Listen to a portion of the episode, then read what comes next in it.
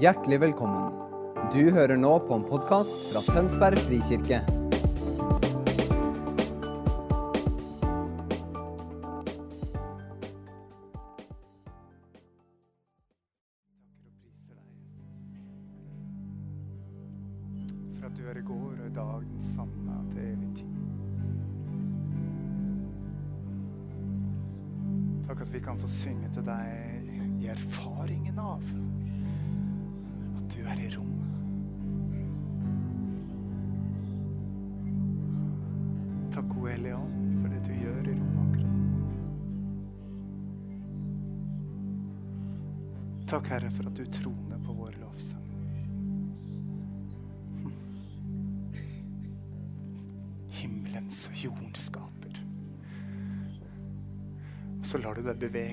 400 mennesker løfter blikket og synger pris til deg.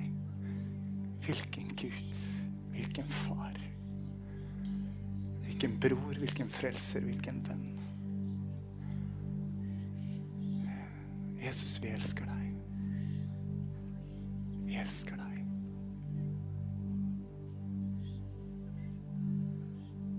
Og vi priser ditt navn som er over navn. Du er dette rikets konge. Vi roper ut evangeliet om.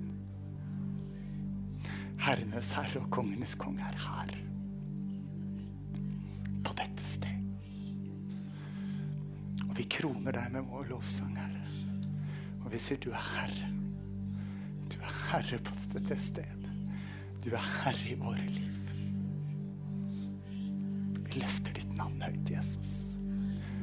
Du har vært all vår lov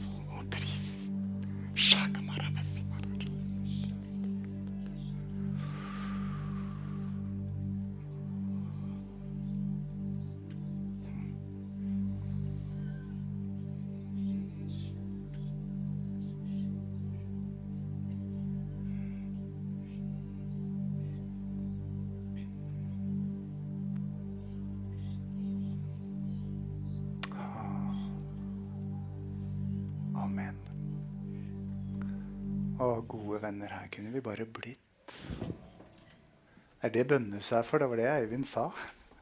De begynner, og så slutter de aldri. Eller slutter sånn når det passer seg. God ettermiddag, dere.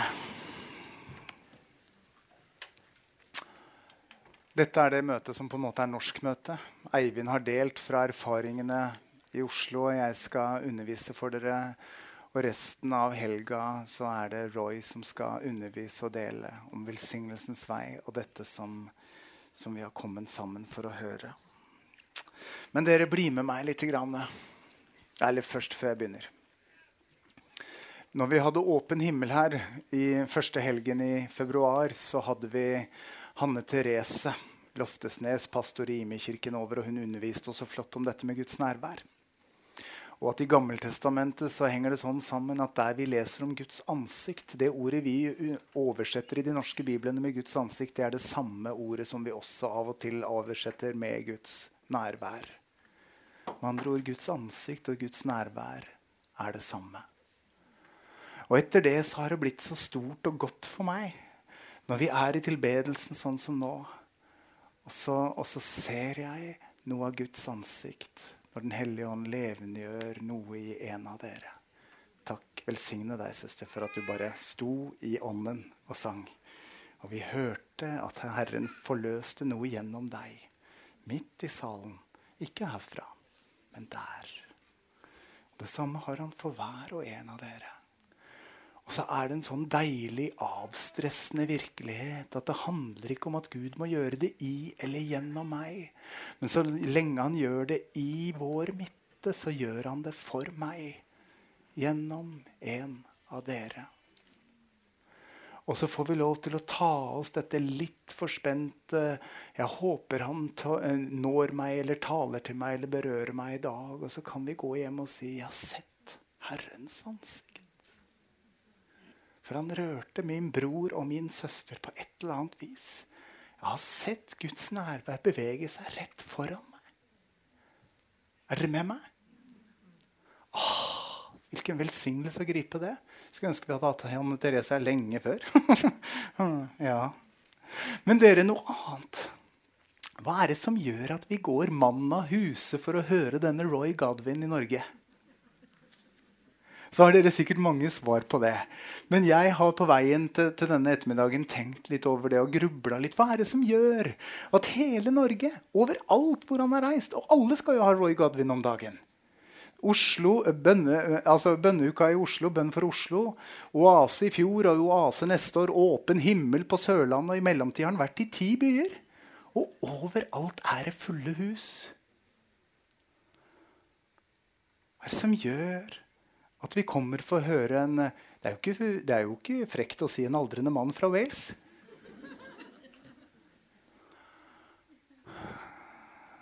Det er nesten som jeg hører Jesus spørre folka ikke sant? hvem var det dere gikk ut for å møte. Hva? Var det en mann i fine klær, eller hvem gikk dere ut for å se en som bor i slott? Nei, hvem gikk dere ut for å se? En profet. Ja, mer enn det, sier Jesus. Og så snakker han om Johannes. De orda levde i meg på vei mot denne ettermiddagen. Og så tenkte jeg dere, i sannhet må vi ta imot Roy Godwin som en profet sendt av Gud til landet vårt for en tid som denne. Derfor så handler det ikke om nok en fornyelsespredikant som er flott å høre på. Men hvis vi anerkjenner han som en profet for landet, og det gjør vi i sannhet i dette huset, og jeg tror det er derfor dere her er også. Dere er bønnehuskonferanse. Det er innmari sært og smalt. Men dere har funnet veien hit, da. Det er første konferansen som er eh, utsolgt noensinne her på huset. Vi har ikke flere plasser. Jeg tror vi skal anerkjenne at Gud har sendt en profet. Et talerør med et profetisk budskap. Og da gjør vi vel i å akte dette ordet. Legge oss det på sinnet og spørre Herren hva kaller du oss til nå? For ingen gang gikk det profetiske ordet ut uten at det kalte Guds folk til handling. Og på en måte oppleves det som et veldig alvor. Jeg håper det gjør det for dere òg. Jeg opplever at dette her er Guds rop til vår nasjon. Og Det er derfor jeg tror vi er her sammen. Fordi vi gjenkjenner dette ropet. Vi gjenkjenner den, dette kallet fra Herren.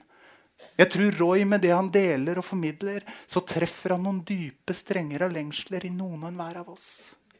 Ja, men Det er jo dette Gud jeg har lengta etter. Jeg har kanskje ikke hatt ordene, jeg har ikke hatt språket, jeg har ikke hatt modellene. Men det er jo dette. Hva? Hm. Hm. Vi har hørt profetiske ord om vekkelse i Norge. Hvor lenge, dere? Det er lenge. Og vi har trodd de. Vi har bedt inn i de. Vi har tilbedt, og noen ganger har vi lurt på når skal det skje, eller kommer det til å skje. Har vi ikke vært der av og til òg? Hvis vi skal være helt sanne. Og plutselig kommer altså denne boka på norsk. Oversettelsen av en mange år gamle bok.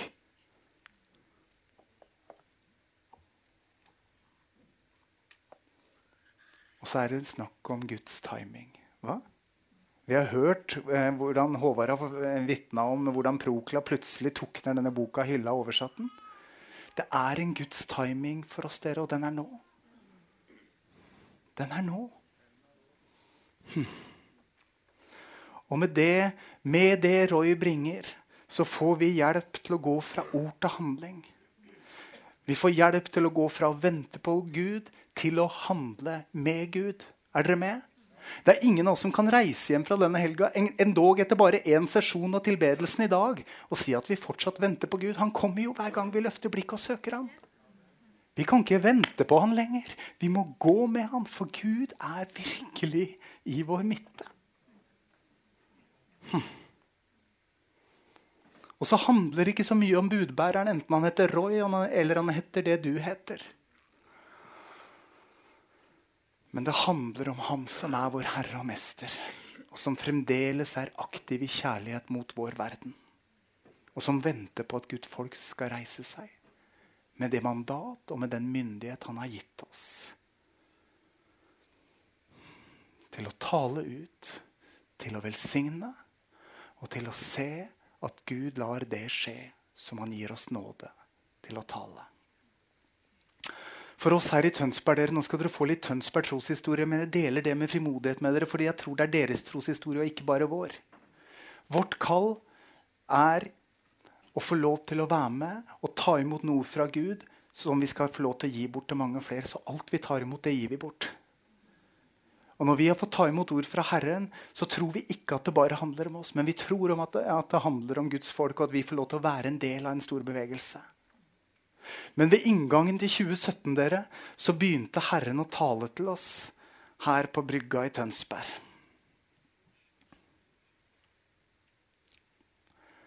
Det han snakka om, det var at han ville reise Davids tabernakel over huset vårt. Og alle dere som har en formening om hva Davids tabernakel er, dere skjønner at det skapte både forventning og håp i oss. Og for dere som ikke vet det, så skal jeg forklare. Davids tabernakel går med meg til apostelgjerningene 15-16. Der står det Deretter vil jeg vende tilbake og bygge opp igjen Davids falne hytte. Det nedbrutte av den vil jeg igjen oppbygge, og jeg vil gjenreise den. Det spesielle dere med Davids hytte, eller Davids tabernakel, som er noe helt altså, jeg mener, Det er noe pinglete greier, ytre sett. Både i forhold til telthelligdommen til Moses og tempelet som ble innvia seinere. Og Likevel er det dette som er det sterkeste forbildet for oss som lever i tro på Jesus, som er dekka av hans blod.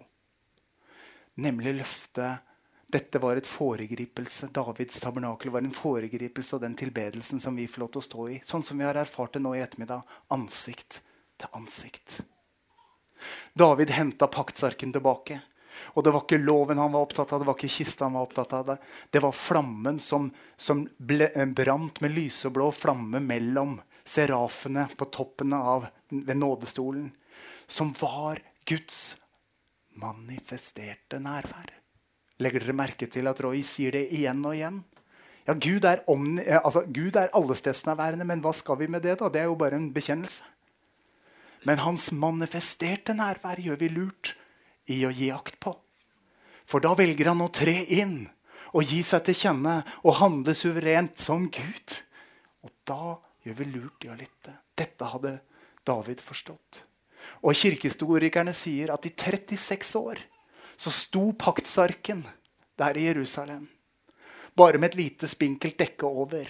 Og Guds folk kunne få lov til å gå inn og ut og se Gud og tilbe han ansikt til ansikt uten å få gå, som var umulig i den gamle pakt, men som er vår rett.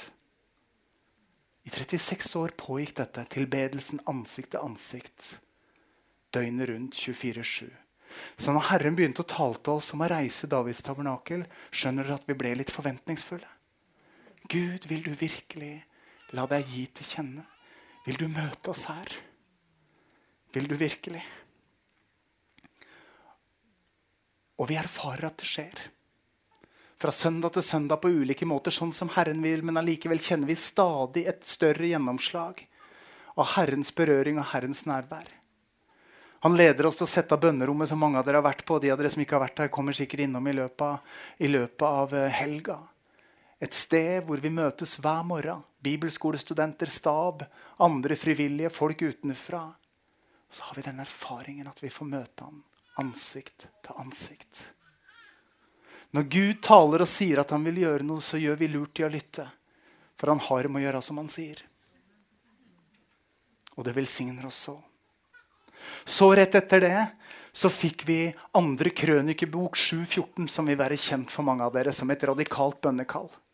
Hvis da dette folk som mitt navn er nevnt over, ydmyker seg og ber, søker meg og vender bort fra sine onde veier, så skal jeg høre dem fra himmelen Tilgi dem syndene. Og så kommer dette grensesprengende som Roy bringer til oss også. Å lege landet. Og jeg som trodde at evangeliet handla om mine synder og Jesus og når og Jesus aleine er. Men her sier Guds ord at hvis vi omvender oss og ber, så er det ikke bare vi som kommer i et rett forhold med Herren, men han vil av det lege landet. Skjønner vi hvor viktig det er at vi slutter å legge vår stemme inntil klagestemmene som sier at alt var mye bedre før, og alt er så ille nå? Og heller begynne å legge, bruke vår tunge til det som har liv, istedenfor død. Og tale ut Guds velsignelser, Guds håp og Guds vei, sånn at vi kan gå i motsetning til det mørkets rike som manifesterer seg stadig vekk, og se at lysets rike spirer fram. Men det starter med at du og jeg omvender oss og ber. Og vende bort fra vår onde vei. Så er det kanskje noen som tenker jeg vet ikke om jeg er på en så ond vei. Nei, men hvis det, veien din er uavhengig av Jesus, så er den ikke god. Så hvis du har begynt å gå for deg sjøl, så vend om. Så vend om. Etter at vi fikk ta imot det ordet, og innvielsen av bønnerommet var en, var en, del av det dette verset finner dere i en av maleriene som er malt profetisk der oppe. Så begynte Herren å tale til oss om å kalle ut Levis stamme på huset. Og jeg vet ikke med dere, men, men jeg var ikke så opptatt av Levis stamme på huset. Er dere der dere kommer fra? Nei. Men så skjønte jeg ut at det var jeg som lå bakpå. For det fins jo en hel litteratur der ute om Levis stamme i den nye pakt om bønnefolket. Om bønnefolket og om tilbederne. Og så løfta han fram et par ord for oss. Gud, som han ga oss. Og Det ene var andre krønikebok 8,14. Og Der står det at levittenes oppgave var å lov, synge lovsanger og hjelpe prestene i tjeneste. Dere, Disse folka når de står her oppe, de hjelper oss ikke bare å synge, men de åpner himmelen og forløser alt Guds folk. 1. Peters brev. Hele det hellige presteskapet. Lovsangen og tilbedelsen forløser alt Guds folk ut i all dets gjerning. Enten din tjeneste hovedsakelig er på arbeidsplassen eller den er i kirka. Er dere med? Så viktig er denne tjenesten. Levittjenesten. Og min mistanke dere, er at mange av dere her har et levittkall over livet deres. og det er derfor dere har meldt dere på. Dere gjenkjenner at dere har et særskilt kall til bønn og tilbedelse. Og det Herren virkelig har lagt på hjertet mitt denne ettermiddagen, er å stadfeste dere. Myndiggjøre dere. Og si 'reis dere'. Vær tro mot det Herren har gitt deg. Til å stå opp. Nå skal dere høre neste ordet han ga oss. 5. Mosebok 10,8. Der står det om Levi stamme at de skulle én Bære Herrens paktkiste, altså bære Herrens nærvær. Du, har du et kall til å være en levitt, så har du et kall til å bære Herrens nærvær ut på alle plasser du er. Og der du er, der er Herrens nærvær. Ikke fordi at du har blitt oppblåst og sjølopptatt, men fordi Herren har sagt at hvis du er en levitt, så er det det som er tjenesten din. Kan du ta imot det? Og så vri av det som måtte være igjen av jantelov, og tenke at nei, det er nok ikke meg det gjelder. For hvis du gjenkjenner dette kallet i ditt hjerte, så handle på det. Bære hans nærvær. Stå for Herrens ansikt og gjøre tjeneste for ham. Det er det disse folka her elsker. De kunne holdt oss her i to timer til. De. For de elsker når de gjenkjenner Ånden komme i rommet, om Herrens ansikt avdekkes på ulike vis. Og så kommer det viktige som Roy lærer oss. Lyse velsignelse i hans navn.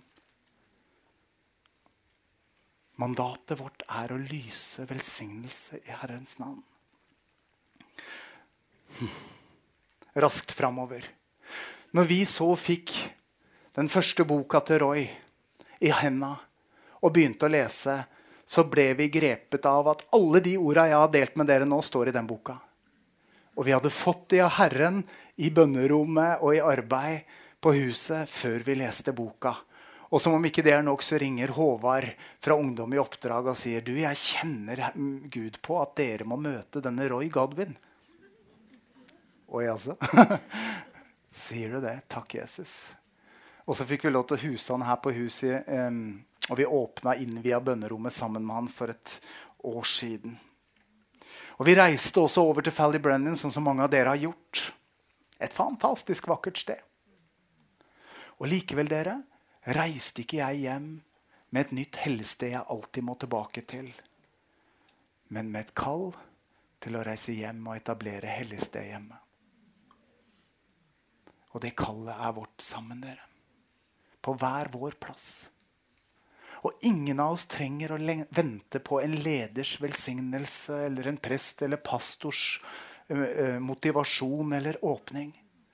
Hver og en av dere har et mandat ifra himmelen til hvor som helst, når som helst, på den måten dere har mulighet til å begynne å etablere et bønnehus der dere er. Og husk på da for jeg har sjøl vært i Oase, så jeg hører med til de slitne karismatikerne. Ja. Og det vi gjør når vi blir litt slitne, er at vi klager på alle som ikke skjønner det samme som oss, og som lengter etter det samme som oss. Men dere, da bruker vi tunga til død. Det Roy Godwin lærer oss, er velsignelsens vei. Jeg velsigner min pastor. Jeg velsigner min prest. Jeg velsigner min nabo som alltid kaster snøen over på min side. Eller hva det måtte være som utfordrer din fromhet. Ja. Dere har mandatet, dere. Og dere kan begynne. Og tro meg, dere kommer til å se at Herren sender mennesker i deres vei som vil gå sammen med dere hvis dere er frimodige på og forteller hva Herren har kalt dere til. Og tro meg, dere vil merke det i omgivelsene. At det Herren har kalt dere til, det vil han også gjøre. For det er ikke dere som gjør det. Det er han som gjør det. Herren sa til oss, sett til side et rom i dette huset og innvi det til meg. Og mitt nærvær skal trekke mennesker opp. Halvannen måned etterpå kommer en ung, oppreist dame. Og hun sier, 'Jeg kjente at jeg bare ble trukket inn her.' Og når jeg kom hit, så fant jeg det jeg alltid har lengta etter, men ikke visste fantes. Så kan Vi si vi er så flinke her i Tønsberg frikirke. Nei, vi kan ikke si det. For det handler bare om han. Det handler om lydighet. Det er vår oppgave, dere. Lydighet. Noen av oss er ulydige fordi han har talt over oss lenge, men vi har prøvd å, å, å, å slå av på det han sier og tenkt at vi er ikke verdige. Og vi har stått, og vi har ikke gått. Reis deg og begynn å gå. Reis deg og begynn å gå. Se hva Gud gjør. Gud kaller oss til å tre fram i denne tida som levitter. Hver og en og enten du nå virkelig kjenner du har et kall til bønn og tilbedelse eller ikke, dette har vi jobba mye med her på huset, så er det et kall til alt Guds folk i denne tida til å reise seg. Og det ordet som vi har fått her på huset Nå er det nok Tønsberg-historie, tror jeg. Det ordet som, som vi har fått her på huset for 2019, og som vi virkelig tror er et ord for landet, er Åpenbaringen 3, og dere kan slå opp der hvis dere vil.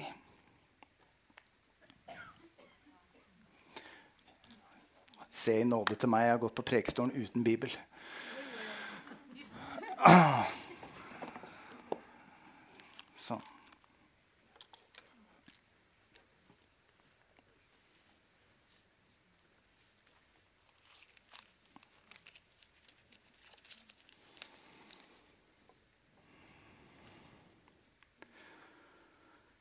Jeg fikk dette ordet første nyttårsdag. Jeg sto og tappa vann i en vanndispenser på et hotell og var ikke i modus til å søke Herren i det hele tatt. Så hørte jeg det så klart som jeg bare kunne. Jeg har satt foran deg en åpen dør som ingen kan lukke. Jeg har satt foran deg en åpen dør som ingen kan lukke. Og jeg delte det med eldsterådet vårt, og vi har tatt det som et ord for året for menigheten vår, men eldsterådet vårt står sammen med i å si vi tror det er et ord for nasjonen for 2019. Jeg har satt foran deg en åpen dør Så hvis det ordet lander i hjertet ditt med sanksjon, så ta det, og ta det i eie, og grip det. Og han som sier det Se her fra eh, kapittel 3 og vers 7. Den, dette sier den hellige og sannferdige, han som har Davids nøkkel. Han som åpner så ingen kan stenge, og som stenger så ingen kan åpne. Jeg vet om dine gjerninger. Jeg har satt foran deg en åpen dør som ingen kan stenge. Skjønner du det henger sammen? Hvem er det som sier dette? Jo, det er han som har Davids nøkkel. Hva er Davids nøkkel? Jo, det er nøkkelen det, inn til gudsnærværet. Hvem er denne Herre? Det er Herren selv. Det er Jesus som inviterer oss inn. Det er han som velger denne tida. Det er han som velger å møte oss i lovsangen sånn som han møter oss akkurat nå. Og det er han som kaller oss til å tre inn i et nærvær ansikt til ansikt. Og så har han satt foran deg en åpnet dør. Du trenger ikke lukke den opp engang. Det er ikke det at den er ulåst. Den er åpnet. Men du har det ikke før du går igjennom. Vi må velge å si ja. Vi må velge å handle. Og så er spørsmålet hva har Herren kalt deg til? Hva har Herren lagt en brann i hjertet ditt for? Hvilken åpen dør er det han har satt for deg? Sannsynligvis handler det om bønn ansikt til ansikt siden du er her, og siden du responderer på det vi er samla om denne helga. Men hvordan ser det ut? Hvor i kalenderen din? Med hvem? Hvordan ser det ut konkret? Jeg har nesten lyst til å hoppe når jeg sier dette, men det ser så dumt ut. Dette Nei. Nei, nei. Jeg står støtt. Ja da. Dette er ikke enda en fornyelseskonferanse i rekken av mange. Vi opplever så sterkt at dette er et før og et etter. Dette er en tid hvor Herren sier 'reis deg og gå'. Gå inn gjennom den åpne døra. Og hvis du tenker ah, ja, jeg har så liten kraft og jeg har ikke det som strekker til seg, det er helt i orden, for det har vår Herre dekka. Det han sier nemlig er For du har liten kraft. Og du har holdt fast på mitt ord og ikke fornekta mitt navn, så da er du dekka opp også hvis du tenker at du er litt short. For det handler ikke om deg og meg og hva vi kjenner at vi er. Men det handler om hvem han er, og hvem vi virkelig tror at han er. Og når vi responderer i lydig handling, på hva enn det er han gir oss, så får vi se at hans rike spirer fram. At hans manifesterte nærvær spirer fram. Og det er det vi lengter etter. Og Dere kan gjerne på egen hånd lese videre ned i dette ene brevet, i Åpenbaringen 3. For det står også noe om trengsel og forfølgelse der. Og for, for, å være helt ærlig, dere, det er ikke min favorittema å preke om. Men jeg ser at mye av Guds folk kjenner trengsel om dagen. Da er det all grunn til å ta til seg også det ordet som står her.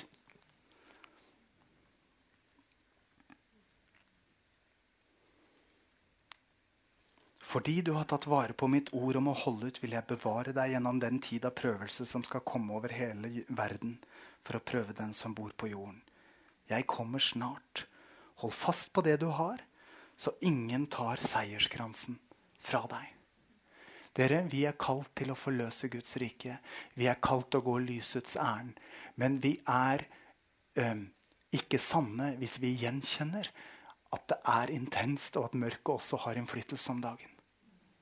Og når mørket har innflytelse, så er det også vårt ytre kall til å reise oss i den kraft Jesus gir oss, og til å handle Sånn at Jesus kan få sin vei i menneske etter menneske, menighet etter menighet, plass etter plass. Og få ganger har jeg erfart en undervisning så konkret, konkret så matnyttig som den vi får fra Roy Godwin, i hvordan vi kan starte. Uten noen ytre, ytre sagt, nødvendigheter. Du og jeg kan starte der vi er, i vårt hjem, i vår kirke, på vår arbeidsplass, hvor enn det er. Hvor enn det er. Men vi må handle. Sånn som Eivind fortalte at han har gjort i Oslo. Vi må handle. Hvilken dag? Hvilken tid? Hvilket sted? Med hvem starter jeg når jeg kommer hjem på mandag. For alt du hører om denne helga, er sant. Men du kommer ikke til å erfare noe av det hvis ikke du handler på det. Står ikke på han. Han har alt klart. Men han inviterer deg og meg til å begynne å gå med han. Kan dere ta imot dette? Ja? Hm. Ord og handling, dere. Henry Nowen, han kjenner mange av dere. Han sa du tenker deg ikke fram til en ny måte å leve på. Du lever deg fram til en ny måte å tenke på. Og det er helt sant. Til og med hjerneforskning har, har lært oss det. Boka til, til Stian Aarebrot, teolog, som heter eh, 'Kunsten å forme et liv om plastisk teologi', viser oss fra hjernevitenskapen hvordan våre handlinger former spor i hjernen vår. Er ikke det ganske fascinerende? Nå er ikke det ny kunnskap, for det har stått i Romerne 12 hele tiden. Bli med. Der står det nemlig Derfor formaner jeg dere ved Guds barmhjertighetssøsken, bær kroppen fram som et levende, hellig offer til glede for Gud. Det skal være deres åndelige gudstjeneste. Er ikke det fantastisk? Når vi bærer kroppen frem, når vi innretter vårt fysiske liv, når vi innretter vår pengebruk og våre vennskap og våre ord og alt det som er det fysiske livet vårt, når vi bærer kroppen frem for Gud som et hellig offer, så er det vår åndelige gudstjeneste. Og til alle oss som lever litt sånn halvgnostisk og separat og tenker at åndelig det er når Den hellige ånd kommer i bønnemøte, og verdslig det er når jeg maler huset, så sier altså Guds ord det stikk motsatte. Det er når du og jeg bærer kroppen fram som et hellig, levende offer for Gud, at vi gjør en åndelig tjeneste. Er ikke det veldig bra? Og er du håndverker, så kan du til og med si halleluja. Ja. Og så kommer det. Innrett dere ikke etter den nåværende verden, men la dere forvandle ved at sinnet fornyes. Så altså handlingene kommer først, og så forvandles sinnet. Så til alle oss som har sittet på bønnemøte etter bønnemøte og venta på at Den hellige ånd skulle komme og forvandle mitt indre, forvandle min tanke, sånn at dette gudsrikelivet skulle begynne å eh, spire fram Hvis vi på mandag reiser ut i vår hverdag, går ut i vår hverdag og begynner å handle på det vi har hørt, som et hellig, levende offer til glede for Gud, så vil vi se at sinnet vårt forvandles, troen vår forøkes, og erfaringene våre mangedobles av at Hans manifesterte nærvær lar Guds rike spire fram.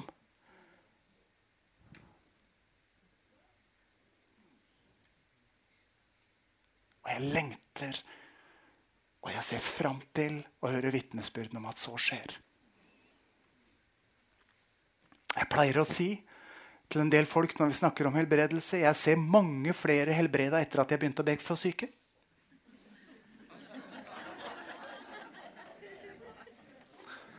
Så jeg vet ikke hva du lengter etter, men begynn å gjøre, og du kommer til å få se det. Ja. Hm. Forut for sinnets forvandling ligger altså kroppens handling i troens lydighet.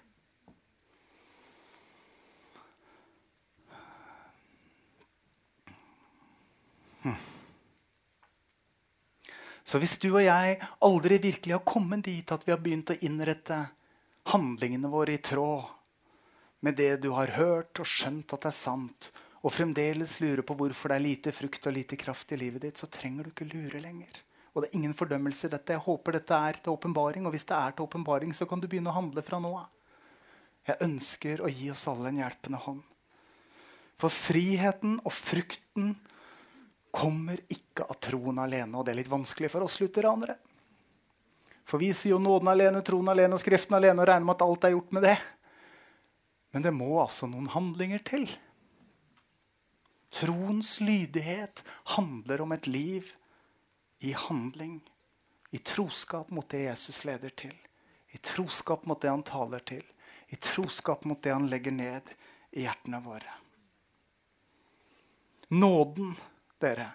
Nåden er ikke visklære som oss, gir oss en tillatelse til å skrive feil hele tida. Nåden er handa som fører pennen i sannhet og skjønnhet. Nåden er den skapende krafta i livet våre som fører oss fram til det gode, det som er etter Guds vilje. Den frelsende nåden, Titus 2, er for alle mennesker åpenbart, og denne nåden oppdrar oss. Ja? Det handler ikke bare om hva vi tror. Det handler faktisk om hva vi gjør. Jeg har nesten lyst til å si 'fake it till you make it'.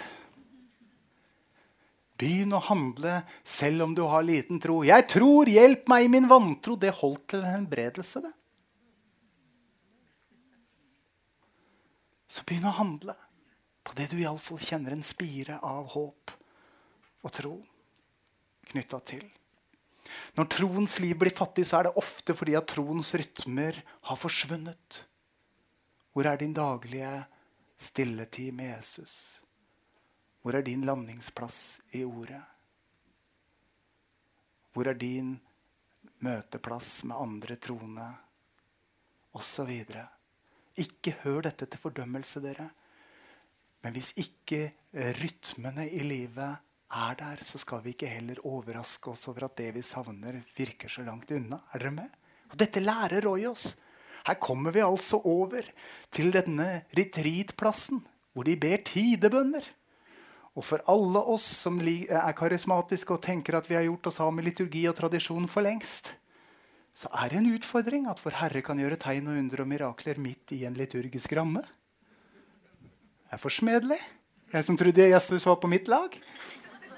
Ja, ja sånn kan det være. Men troens rytme, bibel, bønn, lovprisning, tjeneste og velsignelse av andre mennesker er rytmer som skal få lov til å pulsere i livet. Sånn som du vil. Sånn som Herren kaller deg til. Sånn som du har det rett foran deg. Det er etter Feserne 2.10-perspektivet dette her, dere. Ferdiglagte gjerninger. Ikke strev. Men det han setter rett foran deg og meg, sånn at vi kan få lov til å gå inn i det. For det Roy igjen og igjen understreker, og som virkelig har blitt en overgivelse her i vårt hus, det er at Guds rike er ikke en teologisk idé. Det er ikke en tankebygning, en trossats. Det er en realitet. Det er en dominion, det er en, det er en kraftbase som kommer inn i, tar tak i og gjennomsyrer denne verden. Og den spirer fram, det spirer fram overalt hvor mennesker reiser seg i troens lydighet og handler på Hans ord. Evangeliet er ikke bare budskap om syndenes forlatelse og evig liv. Det er budskap om Guds vei som er gjort tilgjengelig for deg og meg og alle mennesker her og nå. Hør her, dere. En kirke som vil reflektere Jesus, er ikke en politisk korrekt kirke som gir åndelig legitimitet til den rådende holdningen i tida. En kirke som vil reflektere Jesus, er en kirke som i ånd og kraft lar brutte mennesker møte himmelens kjærlighet, som skaper, gjenoppretter og gjør hel. Det første kan alle mennesker med litt godvilje få til. Det andre er vi klin avhengig av Jesus for å få lov til å leve i. Dette er ikke for meg et politisk bidrag, men en bekjennelse til min avhengighet av Jesus Kristus. Han som er dette rikets herre. Så viktig er handlingene våre for at Guds rikes virkelighet skal spire fram. Alt av løfter i ordet er fortsatt tilgjengelig for oss. dere. Det underviser vi her på bibelskolen. Ta et hvilken som helst løfte. Koble det til den handlinga som løftet eh, krever. Og forvent å erfare troens virkelighet spire fram. Og våre elever dere vet et år på bibelskole, det er et år i forming, så de jobber med sine egne liv, og de ler og de gråter og de gjør alltid midt imellom. Og Samtidig reiser de til Thailand, og så kommer de tilbake igjen. Og så har de fått se tegn og under og mirakler gå, strømme gjennom dem, og mennesker bli satt i stand og helbreda og reist opp. Selv om de i høyeste grad er midt i prosess. Så til deg og meg da, som tenker at jeg er ikke helt klar ennå. Det er så mye i livet mitt.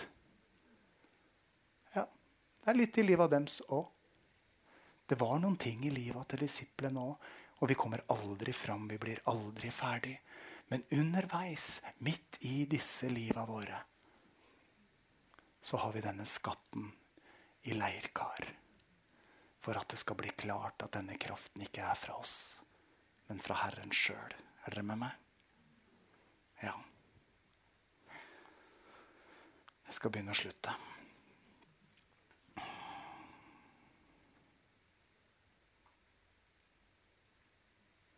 Dere, hvis, hvis våre liv som Jesu disipler, hvis våre liv som kirker ikke har annet å vise til av handlinger og holdninger enn det mennesker uten tro også kan oppvise, da er det grunn til å spørre om vi reflekterer et sant bilde av Jesus for verden. Å tre inn i velsignelsens tjeneste er å begynne å tale ut Guds sannhet over mennesker, områder og omstendigheter. Ordet fra åpenbaringen av tre er ikke et ord om beskyttelse i ei vond tid, men det er et kall til å tre inn i det Gud har for oss. For at vi skal få være med på å være til velsignelse og forløse gudsrikekreftene på alle de plassene hvor mennesker er bundet av mørket. Så dere la ikke mørket skremme oss. Han som sier at han er lyset. Han har tatt bolig i oss, og han går med oss. Og lysets rike er designa for å tvinge mørkets rike på vikende front. Vi har fått nøkkelmakt av dere. Matteus 16. Vi har fått nøkkelmakten. Hva bruker vi de nøklene til? Guds rike handler alltid både om å søke Hans ansikt, tilbedelsen, og om å hjelpe de fattige, de nødstøtte, de som trenger denne hjelpa. Guds rike er altså ikke en teologisk størrelse, en tankebygning, men det er en reell maktdemonstrasjon og konfrontasjon i det åndelige. Og det står om livet, dere. Ikke vårt, kanskje, fordi at vi er frelst og, har himmelen i vente. Men det står om livet for de der ute. Er dere med? Det står om livet for de. Så hva bruker vi nøklene til? Hør hva The Message sier når, når The Message oversetter Matteus 16. Jeg har oversatt det til norsk derfor dere. Du vil ha fullstendig og fri tilgang på Guds rike. Nøkler til å åpne enhver dør. Og det finnes ikke lenger noen barriere mellom himmel og jord og jord og himmel. Et ja på jorda er et ja i himmelen, og et nei på jorda er et nei i himmelen. Verken mer eller mindre er The Message sin parafrase av nøkkelmakten i Matteus 16. Og jeg tror det er sant. På presteskolen så lærte jeg om dette teologiske begrepet allerede ennå ikke. At Guds rike er nærværende, men ikke fullt og helt. Men de fleste av oss brukte det som en unnskyldning til å ikke engang gå etter det. Og leita veldig lite etter i hvor stor grad det er her. Og jeg har lyst til å si, eh, invitere dere til å ta den beslutninga jeg har tatt. Jeg er ikke interessert i å finne ut hva som er begrensninger for hvor mye jeg kan få her. Jeg er interessert i å finne ut hva som er mulighetene. Og stadig se Gud, hva mer er det du har for oss og for nå? Så en, helt til avslutning hva bruker du Guds rike nøklene til? For er du en Jesus-troende? Det var det som var fundamentet for Peter. Han sa at han trodde på Jesus. Og med det så var han gitt nøkkelmakten. Du har nøkkelmakten. Du kan låse opp et medmenneskes liv som er bundet av mørket på et eller annet vis. Hva bruker du nøklene dine til? Eller har vi blitt så moderne at neklene har eh, blitt hengt som pynt i et ellers funkisprega hjem? Hvor alt styres på app? Hm? Gudsrikenøklene er ikke interiørdetaljer. De er åndelig mektige våpen som er ment å sette mennesker fri. Og disse nøklene er tilgivelse og forsoning, helbredelse, sannhetens ord i møte med løgnen som binder, Kjærlighet i sannhet som frigjør. Profetiske ord som åpner stengte dører. Hjelp det fattige. Og velsignelsens vei, som Roy eh, viser oss. Som egentlig er den profetiske tjenesten, og som han skal undervise oss resten av helga. Men hvor vi trer inn i og gjør oss til del med det som er, ligger på Guds hjerte. Når jeg sier 'Jeg velsigner deg i Jesu navn'. Jeg velsigner deg til å tre inn i alt det Gud har for ditt liv i den sesongen som nå står foran. Jeg velsigner deg til å ta i Skjønner du? Så er det du og jeg som tar del med Gud. Og taler ut det som ligger på Guds hjerte, så det skapende ord får lov til å skape det det nevner. Så søsken, la oss gjennom denne helga skrive så blekket spruter La oss få ned alt vi får av hjelp fra Roy. Og så vite at når Roy har dratt, så gleder vi oss ikke til neste gang han kommer. Men vi gleder oss til mandag. For da er det vår tur. Gud velsigne dere.